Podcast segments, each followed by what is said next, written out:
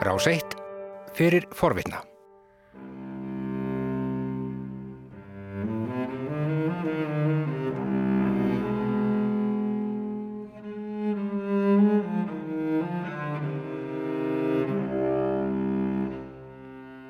Þú uh, ert búin að vera í einhver ár eða einhverja vetur í barnaskóla hérna í Þýskalandi. Já, Freiburg. Já, áður en þú uh, flýrði í raun og veru til Íslands. Eh, áður en faður minn hittir Ragnar Jónsson, Ragnar í Smára. Já. Ég held í Hamburg og er ráðinn til að byggja upp uh, symfóníuljómsittina sem Ragnar er að fást við og verður sellisti þar og hann, þannig að hann fer og kom til Íslands 37 og við vonum eftir í Þýsklandi og ég, það hafi verið daldur mikið svert vegna þess að ég var þá ári lengur í þessum þýska nazista vættum skóla, barnaskóla. Freiburg var ekki nazist borg sko. En skólar þeir loði mikið, mikið upp því að ala upp börn til þess að ganga einhvern veginn inn á nazismann og það var byrjað á því mjög snemma.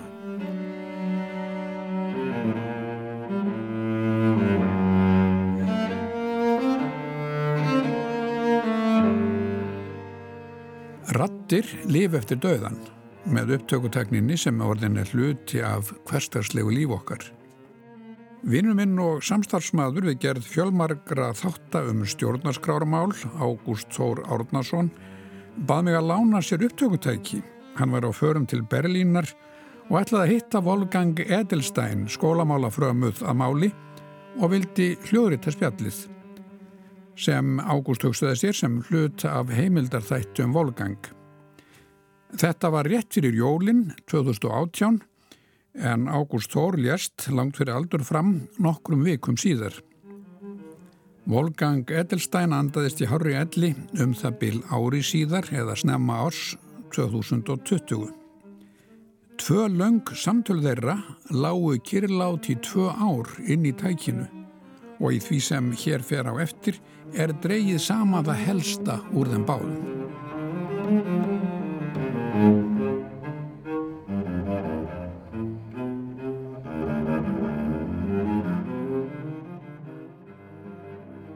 Þannig að ég lærið það uh, í skólanum að ég var ekki færum að vera þjóður í vegna þess að ég tilherði einhverjum lágum rasa og eitthvað fjell til eitthvað uh, í skólanum sem var í bekk sem var uh, lástjættarbekkur. Það bjókur lástjættar öryga börn í kring en þau voru mjög börnin urðu miklu ákveðnar í að fylgja heilir og að líta á gýðinga sem aflag. Þannig að það var ekki þægilegt að vera í skólan þó að ég hefði haft einn kennara í öðrum bekk sem mann ennþá eftir í dag sem var afskaplega elskulegur og stuðningsríkur og svona reynda að halda árásagirninni í bekknum í skefjum og hlífamanni en uh, maður var maður var þótt fyrir já, ég segja fyrir uh, fyrir ágangi. Aðkasti kannski. Aðkasti já. og nefakasti uh, meðan þetta gerðist og þetta ágerðist í þriðabæknum og ég er, ég er ekki að segja að ég hafi einhvern veginn haft grunnsemdir þá um að ég vildi breyta skólum. En eftir á að higgja þá og þegar maður hugsa um svona hálf spekingslega hvað er það sem hefur haft áhrif á hugarfarmans og gerðir og uh, maður konir á áttræðisaldur og nýræðisaldur þá fyrir maður að sjá þetta í samhengi sem maður hefur ekki geta metið verulega uh, fyrr. Ég var meðlimur í þessari Max Planck stofnun að byggja upp mentaransóknir í þessum skóla frá 63 og uh, var þar starfandi og leið 40 ár. Mm. Þetta, þetta var tiltvölega vinstri sinnaður rannsmálhópur en það var auðvitað aldrei minnst á æðirhlaup manna eins og mín og reynda speklur í því hvað það verið orðið til þess að þú hefði þessa skoðanir eða aðrar hvaða æfisögulegar ástæðuleikja því til grundfallar þannig að maður hafði engan tíma til að hugsa um neitt slíkt.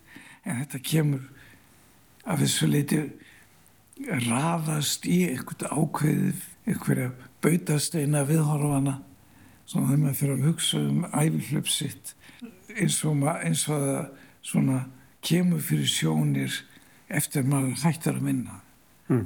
þannig að ég hafði aldrei tíma eða ástæðu til þess að hugsa um mitt eigið lífslöp eða mín eigin skoðanir og þeirra myndun uh, meðan ég var svona í, í æfistarfi við Max Planck í Max Planck félaginu en maður hefur svona vissa ástæðu til þess að hugsa um þróun eða tilurð skoðana senna þegar maður komið þetta langt í aldrinum og, og hérna er ekki að gera grein fyrir því lengur hverju maður er að hverju maður er ekki hvað hvernig maður er orðið sá sem maður varð og að hverju maður ekki orðið annan maður varð. Já, maður getur litið á, á samhengi með óþvingaðri hætti. Með óþvingaðri hættu og já, kannski víðari viðfæðmari um svona möguleika. Já.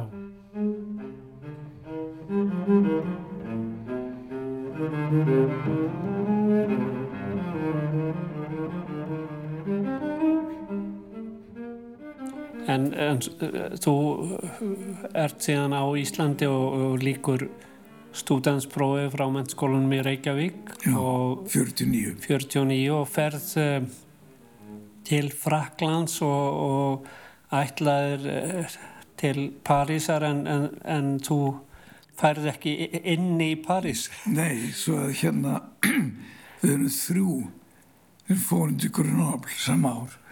Við því svo ég nei, fjögur. Mm. Þorkir Grímsson heitinn og Sigurðun Björnsson Sálfræðingur Sálfræðingur, já.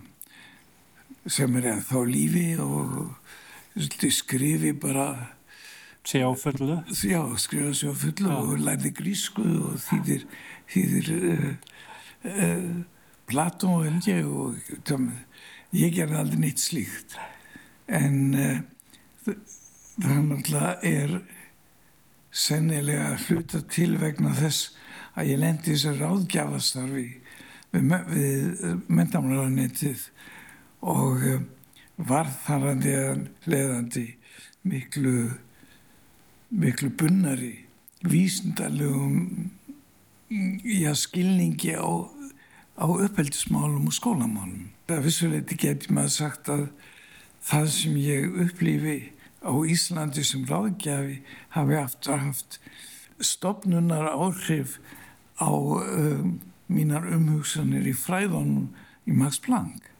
Þannig að ég var ráðgjafi Gilvar Þós Gíslasonar og ráðherra Já, mentamálar ráðherrana Já, en það var Gilvi Helgi sem sem uh, kallaði námi fyrst.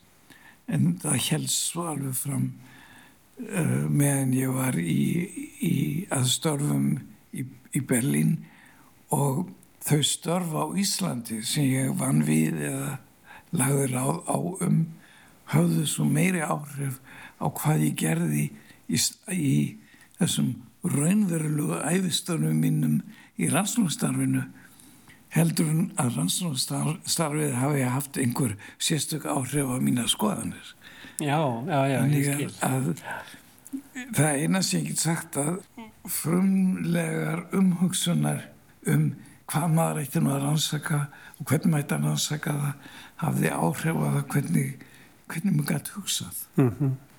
Og uh, ráðugjöf sem ég uh, eh, gæti veitt í skólamálum ég, ég lít á það allt öðruvísi núna heldur en ég upplifði það áður en ég fór á spítalan það var ekki ég sem var svo sérstaklega veit ekki hvað ég segja vit, vitur vitfengin og uh, hafði af einhverja að veita þegar ég kom heim og menn spurði, ég hafi spurt mig af þessu liti ráða heldur ég lærði mjög mikið á því að bera saman það sem verið var að gera sem, sem ég hafði upplifað í þessum þýstaskóla fyrstu þrjú árin svo í Landakoti í Reykjavík í hvað, fimm ár, sex ár?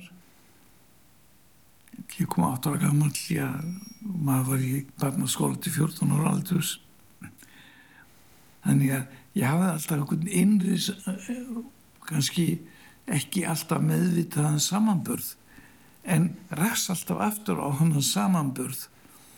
Og uh, þessi samburðu gerði mig náttúrulega rótækari í skóla viðhorfum eftir að ég, mér var ljóst hvað ég myndi vilja óska mér að skólaþróun yrði á Íslandi að því ég var alltaf að bera saman í huga mér hvað ég hafði upplifað jákvægt og neikvægt. Þannig að, að ég hafði einhvern veginn kannski bara upplýstari skoðanir vegna þess að ég hafði orðið fyrir þessum breytingum í skólum. Lífslaupið hreinlega Já, og opnað þessa sín. Þessa sín og breytti viðhorfum hans þannig að maður sá að skóli var einhver eitthvað sem var eins allstaðar einhvern veginn náttúrulagumál í að skipa hann til og, og, og hvað var talið gott og hvað var talið þar á miður heldur ég hafði svona fengið reynslu af ólíkum viðhorfum og, hver, og, og aðgerðum í ólíkum skólum. Þannig ég var það var mér ekki ljóst í raun og veru en ég, ég sé núna þegar ég lít tilbaka að ég hef haft reynslu sem skólaminn yfirleitt ekki hafa hlotið og það á mjög rótækan máta. Þessu í átoriturum skóla, næsta skóla annars vegar velgerðaskóla uh, hins vegar. Og Og þú ert að tala um, um katólska, katólska skólan, skólan uh, í Reykjavík, í Reykjavík. Þar sem að ég var, ég var komið þann átt ára og kennarinn í begnum snýri sér að Vigdísi og saði kontu hérna Vigdís. Þú hætti að kenna þessum strák íslensku. Og svo var ég settu hliðin á Vigdísi. Og það tekist með þessum ágætum. Það tókst með þessum ágætum það haldist til þessa dags. Ja.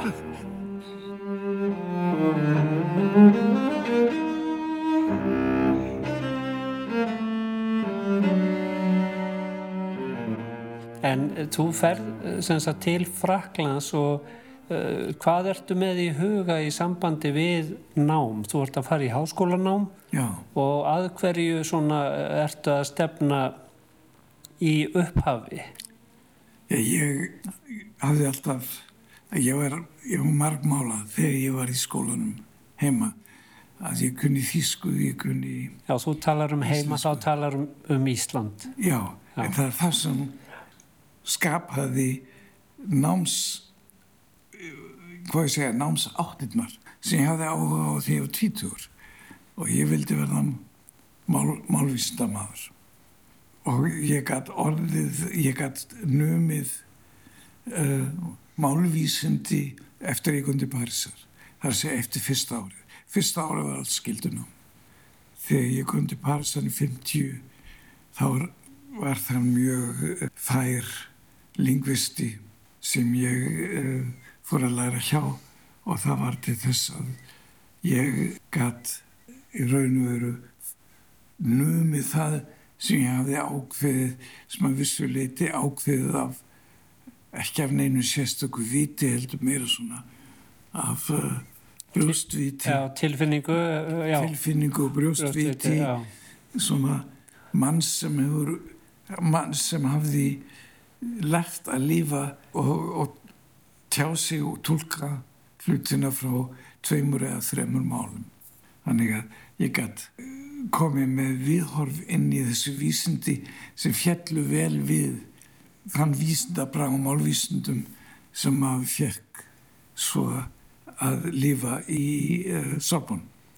Já, í akademíunni. Já, já sérstaklega í Sorbonn háskóla. Já, sérstaklega í Sorbonn, já. já. Því þar var profesornafni Lysjön og ég var að segja viðbót, ég hafði uh, kynst struktúralismann þegar ég var í 50 og 70 bekki með skólan og uh, svo ræst ég á þennan málvísnamann sem var struktúralisti. Þannig að þetta var mjög góður námstími þessi ár. En þá var viðtís komin í annan háskóla og það, það var ekkert sem lækkaði námsgetu mína eða námsvilja. Ég hafði eitt annað að gera heldur, heldur en að læra. Heldur en að læra hana í þessum uh, í þessum góða háskóla. Já.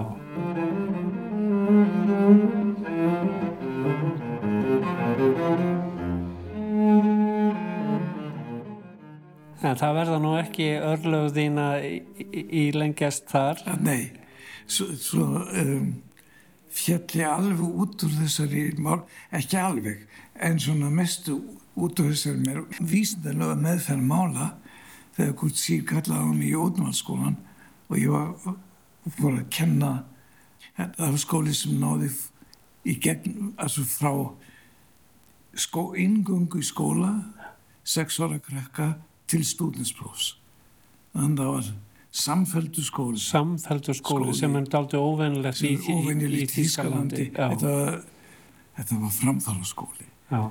og hérna og þekktur sem umbóta skóli og eiginlega allar hliðar þessar skóla voru umbóta sinnaðar og það náttúrulega gerði mig uh, hafði mjög mikið áhrif og ég sé það eftir á áhrif á hvernig ég leit á skólahald eftir ég kom í vísindagarinnar og vísindalega rannsóknir í Max Planck Institutinu og sé ég hvaða hefur haft áhrif á mig að hafa alist upp tveim löndum og átrúttiru landi og líðræðislegu landi og hvaða hefur haft áhrif á mig uh, sem kunni tvö tungumál frá bensku að lesa úr ólíkum málum við ólík, ólík viðhorfur ólíkum málum.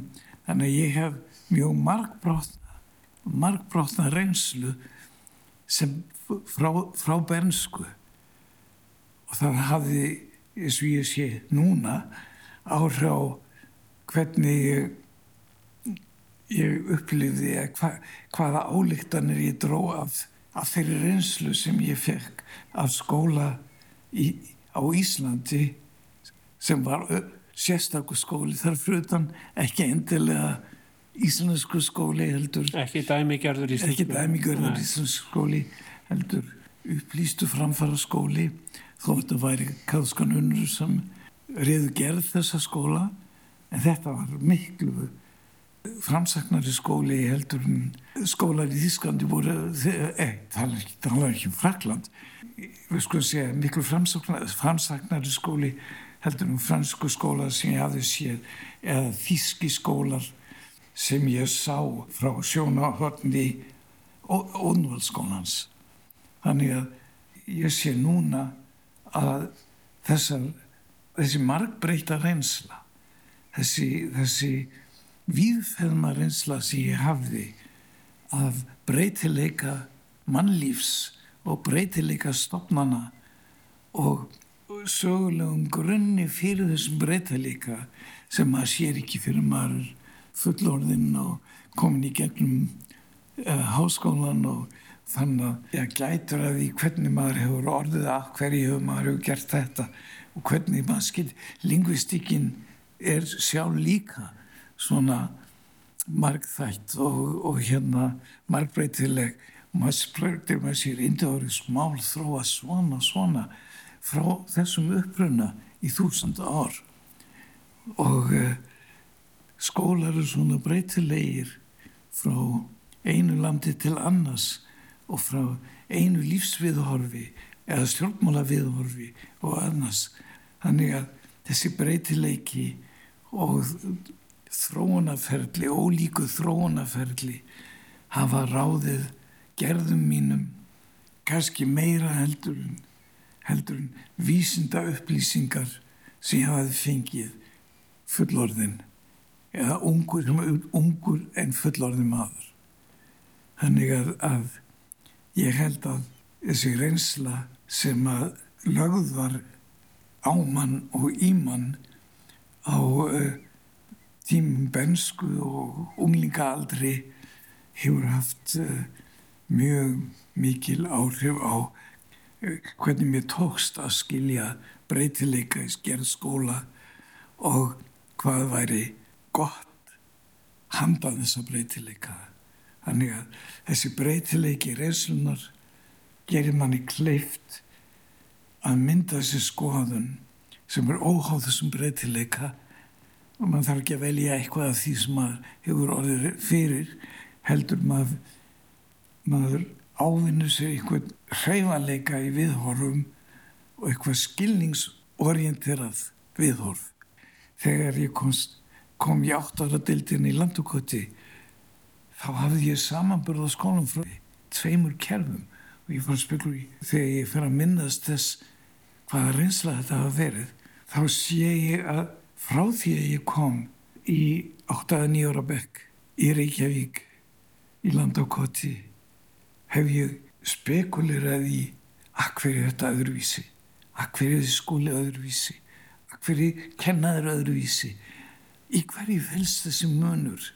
Maður getur sagt af þessu liti að all minn meðvitaða æfi og minn meðvitaða æfi, meðvitaða æfistörf hafa byggst upp á þessum, já hvað ég segja, þessum grunni að hlutir er ekki endilega það sem yfirborðera segir.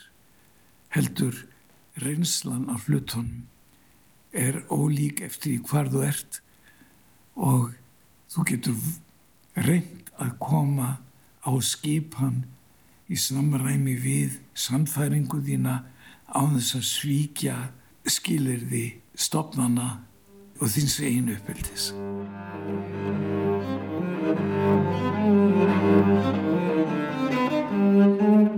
En það sem ég veldi fyrir mér er að nú ertu, semast, þú hverfur frá málvísendunum og það, það er undir, já, hvað á ég að segja þú, þú ert kallaður að Ótenvald skóla Já. og það er ekki bara einhver sem gerir það Nei. það er gammal vinnur Já, miklu eldri ég náttúrulega en vinn veitu fjölskyldunni fjölskyldu minni.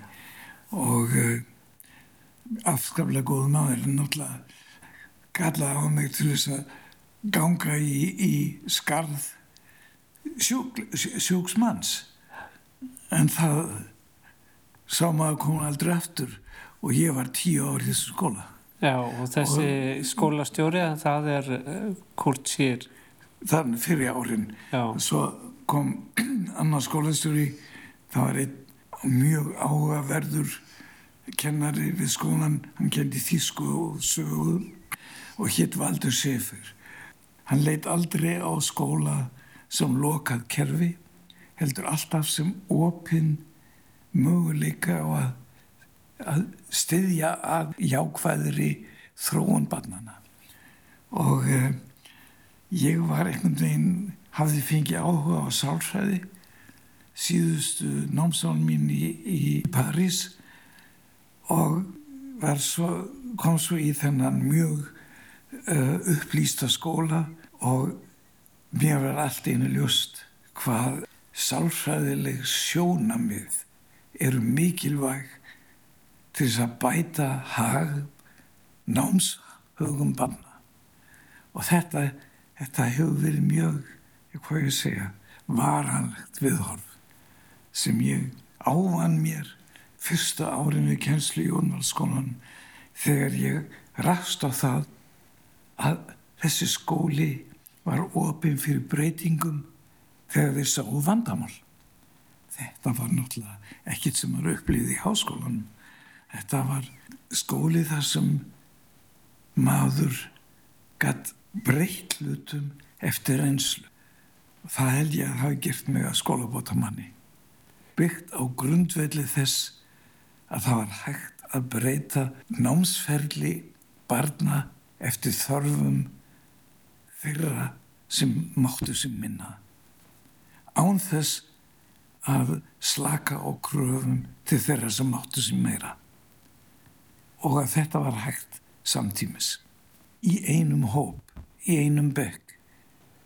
Þannig að það má segja að það á skildi fá tækifæri til þess að nota uh, forvitnið þína og áhuga á samanburði Já. strax uh, í barnaskóla og eiginlega bara út frá þessum að reyna á eigin skinni þessi tvö skólakerfi Já. þetta og þetta íslenska eða þetta sér íslenska sem var katólska Já, Já skólinn var ekki katólskur. Nei, ekki í þeim skilningi en það var ekki, Hann verið, var ekki, ekki, ekki, bóðandi hann var Nei. ekki trúbóðskóli. Nei, en, en við sem að komum af Reykjavíkusvæðinu við Já. þekkjum hann ágætlega Já, og, já, og, hérna, og þetta hefur hann þessa sérstöðu og nafnið eitt svona gefur eitthvað til já, kynna. já, já. En, en ég upplýði skólan líka sem áhuga, áhuga stopnun um velferð barna. Og mistóðst í upplýfiði ég það þannig eftir ég kom út þessu tíska skóna og þegar ég hugsa tilbaka og minni, minnist skólans þá, þá minnist ég hans sem, sem jákvæðra reynslu sem jákvæðs reynslu forða fyrir þennan, þetta vaksandi barn sem ég var og þennan mun á skólakerfum sem ég upplifði það held ég að hafa haft alveg áhrif allt til fullorins ára.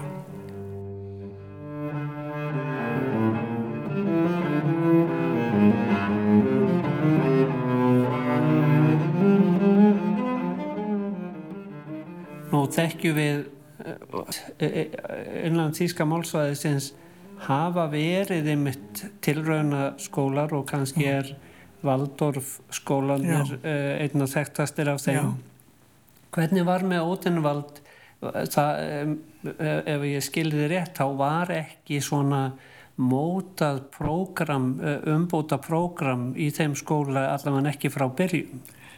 Ekki frá byrjun, nei, það, en ég upplifði á þessum tíu árum síðan, þá var stöðu umbúta starfsemi, dagleg starfsemi og kennarafundir, vikulegi kennarafundir voru eiginlega alltaf fundir um ákveðin breytingaskilirði.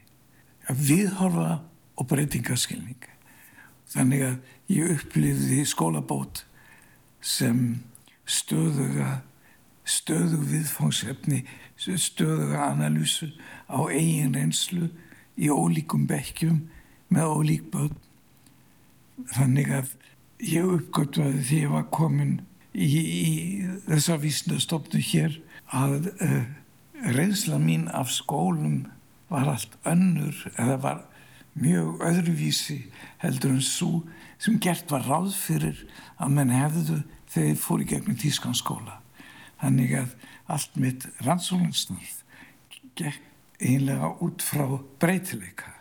Vissi að það sem þurfti að vera staðfast í skólunum var jákvægt viðhorf til barnana Já, það, semst, þú talar um að hæfileika kennarans en það eh, kannski má segja það líka að, að vilji kennarans, Já. hann sé reyðubúin þessi rauðbúin Já. og hann skilji Já, að uh, það er ekki eitthvað eitt sem ræður heldur það er eitthvað fleksibelt, hvað segir maður sveigjanlegt, já. sveigjanlegt samhengi milli þess kerfis sem börnin vaksa upp í og þarfa barnana sveianlegt samingi.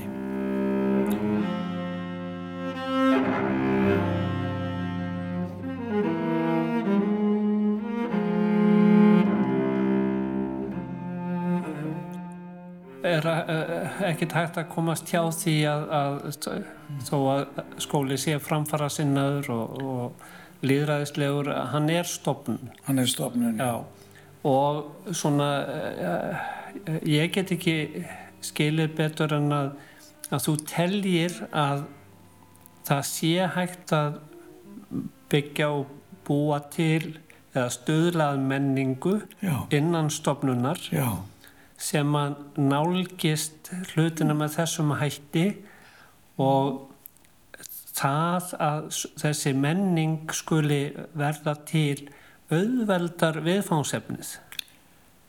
Já, auðveldar viðfánsefnið og gera þáttakundur í kerfinu samtalshæfari og skilningsríkari. Þannig að það er ekki hægt að bladra um, uh, skipur, um skipulag skóla og skipanas á þess að gera ákveðna kröfur. Þarf ekki að gera þær kröfur sem skólakerfi gera aður í öfnu sem eru óbreytanlegar og fastar og eins og þeir eigi að vera eilífar. Það skipti ákvæmlega miklu máli og það var líka tekið tekið mikið til, til, til þessu í skólanum hvað einstaklingarnir gæti lagt, lagt fram til skólan sem slíks. Tilugur nefnda um hverju ætti að breyta og hvernig ætti að hvernig ætti að haga skólahaldinu. Til hvers ætti að skilda menn það til gild mér er minnistætt hvernig menn hugðu sér á þessum fundum þá uh, skipti alltaf minnstast jafn miklu máli í huga krakkana og í huga kennarana uh, þess vegna getum kallað uh, sameinlegar ákvarðanir um hvað það sé, hvað það merki að læra. Er þetta að segja að þetta sé andstaðan við ítróðslu og utanbokkar lærdum? Já, það var ekki talið merkilegt viðfóksefni þessu hérna utanbókalærdumur. Það var alltaf talað um eitthvað sem væri uppbyggilegt frá sjónamiði nefnda og kennara. Þannig að það var alltaf áhugaverð umræða alltaf á þessum uh, fundum en það gerðist líka hjá nefndum. Og nefndur hafðu þann skilning á skólanum að það væri þeirra skóli. Þeir eru það byggjan, þeir eru það halda áfram á þróan og hérna kennarinn rætti að hjálpa til þess. Já, þetta Já. Hefur nú, það hefur ekki verið leiðinlegt að vera nefnandi að þarna. Já, það var ekki leiðinlegt að vera kennar þar. Nei. Já, það skipti náttúrulega líka miklu máli í, í sjónamiðum nefnd og skólanum að þetta var líka skóli sem maður gæti numið ólík fög til, til, til eigin framfara skiptu skiptu, uh, skiptu listir myndlist og tónlist miklu máli og nefndur sóttum um uh, skólagöngu vegna þess að þeir gáttu yfka listir sem ekki var hægt í öllum skólum. Telur þú að, að, að listnám í, í já, hvaða merkingu sem það er skipti sköpum fyrir nefnundur til, til sjálfsþróska?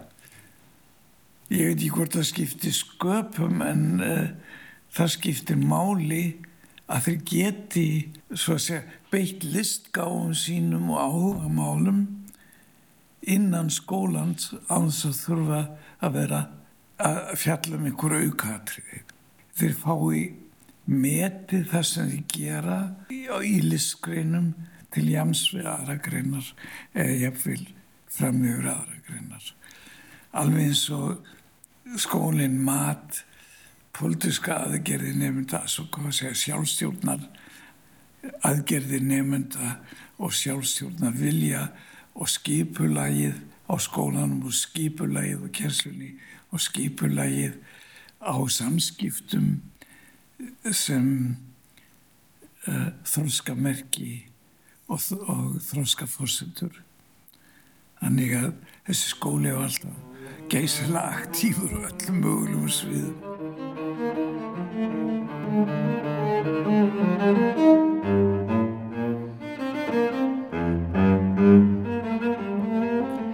Þú uh, eiginlega finnur, má segja, tæki sem að er þó uh, saminuðu þjóðana eða stopnana saminuðu þjóðana sem að er barnasáttmálin. Já, það er satt, já.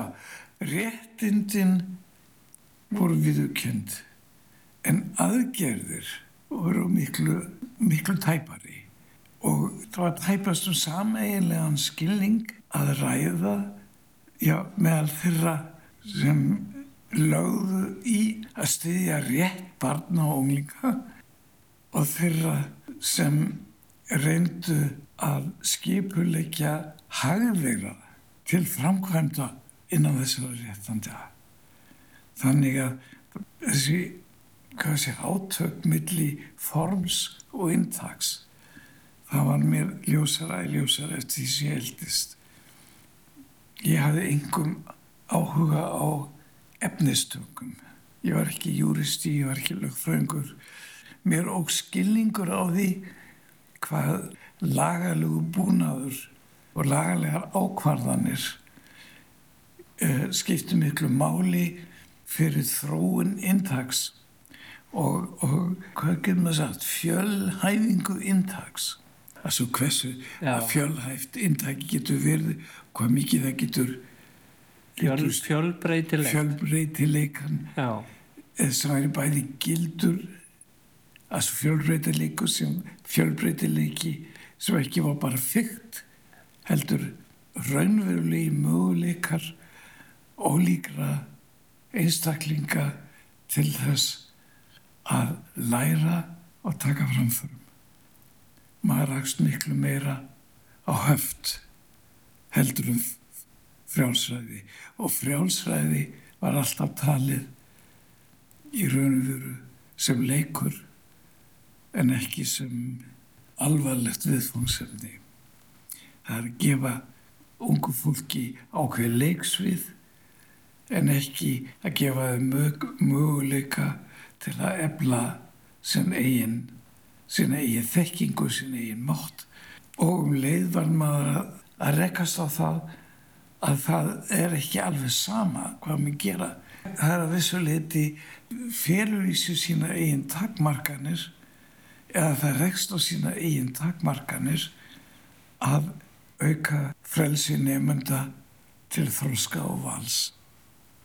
Eftir því sem maður eldist, eftir því verður uh, uh, verður maður þess vísari að það er ekki hægt að taka bara ákvarðanir um hluti eftir eh, eigin vali og eigin vilja heldur um að verði að skilja sitt eigin umhverfi á miklu róttakari móta, miklu rótfastari móta, vita af því, af þrengslum þess að hafa rætur það gerir rætur ekki það losa mann ekki undan því að, hafa, að, að eiga rætur í ákveðnum í, í ákveðnum eh, jarðvegi en það verður að kenna manni að val og þroski eru tengd rótum í ákveðni jarðvegi og maður verður eldastölverð áður en maður sér það.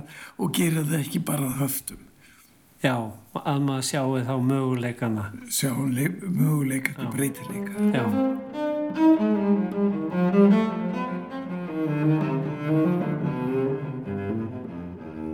Mér finnst í þeim greinum sem ég hef verið að lesa eftir því undanfarið að þú, að þú lítir einmitt á ákvæði mannréttinda eða barnasáttmálans að þetta er nú mannréttinda sáttmáli barna, maður getur sagt að þannig að e, með hann sem grundvöld að þá svipað eins og talaður um með ótenvald að þá verður til menning Já. sem að verða vissuleiti uh, sjálf skapandi eða sjálfbætandi Já. það er þegar að takist að koma á ákveðnir menningu þáttöku og, og valdeblingar ef við notum það orð Já. sem að eigur enn á þekkingu þeirra sem aðkoma á hvernig sé hægt að bæta þetta enn frekar. Er, er það ekki svona það sem að þú ert að segja? Að Jú, kemur þarna með með svona þrjú megin atrið um það hvernig sé hægt að, að byggja upp einstaklinga til þáttöku í líðræðislegu samfélagi. Þú leggur mikla áherslu á einmitt á það, það séu bekkjaráð og skólaráð. Já, með, með, með raunverulegum umgengnismætti, ekki bara það að að það sýta ákveðin lögjöf og maður að neyja sig fyrir því heldur að það séu ákveðinar reglur sem eru sem hægt er að bæði takast á við og taka við án þess að þrengt sé að manni. Og eh, ég held að við eigum að við eigum tölverð langt í land eiginlega allstaðar í völdunni með þennan skilning á reglum að þeir, þeir veiti mönnum möguleika til þróunar og breytinga en þessa, þessi þróun sjálf þarf að vera reglumundin. Það er ekki að gera hvað sem er. Maður þróskast ekki á lausaleg heldur í samræmi við getum hans og möguleikum hans það er alltaf maður sem að lærir eh, eftir því sem maður eldist að geta manns til breytinga er háð geta manns til þess að halda slíkum breytingum innan þess, þess forms sem maðurinn er fært til að standa við. Líta á þessi form ekki sem bara sem leik, heldur sem beitingu uh, möguleika innan þeirra takkmarkana sem uh, maður búar með. Er þetta ekki ágættis bara endapunktur í bylli? Ég verð nú að segja fyrir sjálf mig að mér finnst uh, þetta er kannski álíka erfitt viðfáns eins og að ræða um sköpun. Já, já, akkurat. Og ég get ekki betur heyrt heldur en að, að þú uh, í raun og veru sért að lýsa mentun sem að er ekki hömlulegs Nei, hún er ekki hömlulegs í sjálfur sér. En það sem hamlar henni að mestu eru sko segja, það er tilvílin að kendu takmarkanir þeirra sem fást við þetta sem er miklu tilvíðuleg kemdari heldur en þurfti að vera. Styrkur mannsins er, er takmarkaður að einhverju leiti og þær takmarkanir það er ekki að komast út fyrir þær takmarkanir. Maður er einhvern veginn að finna sættir við við þær takmarkanir. En það er annað heldur en uh, þær takmarkanir stopnana uh, sem að rekst á daglega stopnanir sem er miklu þringri heldur en heldur en möguleikar þeirra sem halda þeim uppi Þetta held ég að veri mjög, mjög góðu punktur. Já. Nú þarf ég bara að finna út úr því hvernig ég slekka þessu. Já, nú get ég ekki hjálpað þessu Nei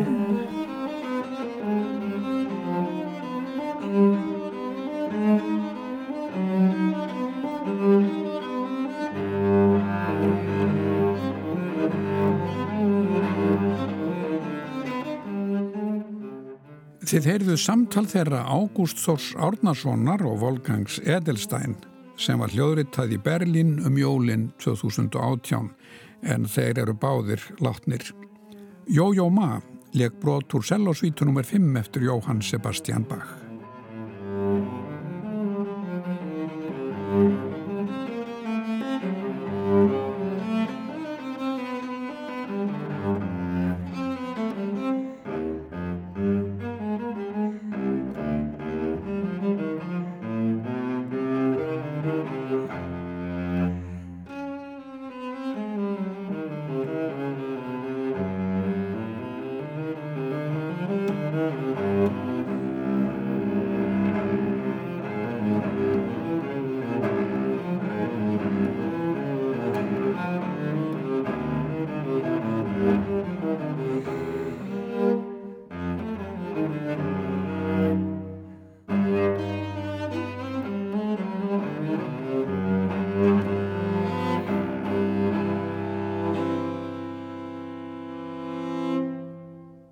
Varst að hlusta á hlaðvarpsþátt frá Rás 1. Ef þið langar til að heyra meira, farðu þá á rúf.is skástrygg hlaðvarp eða spilaran á rúf.is skástrygg útvarp. Rás 1 fyrir forvitna.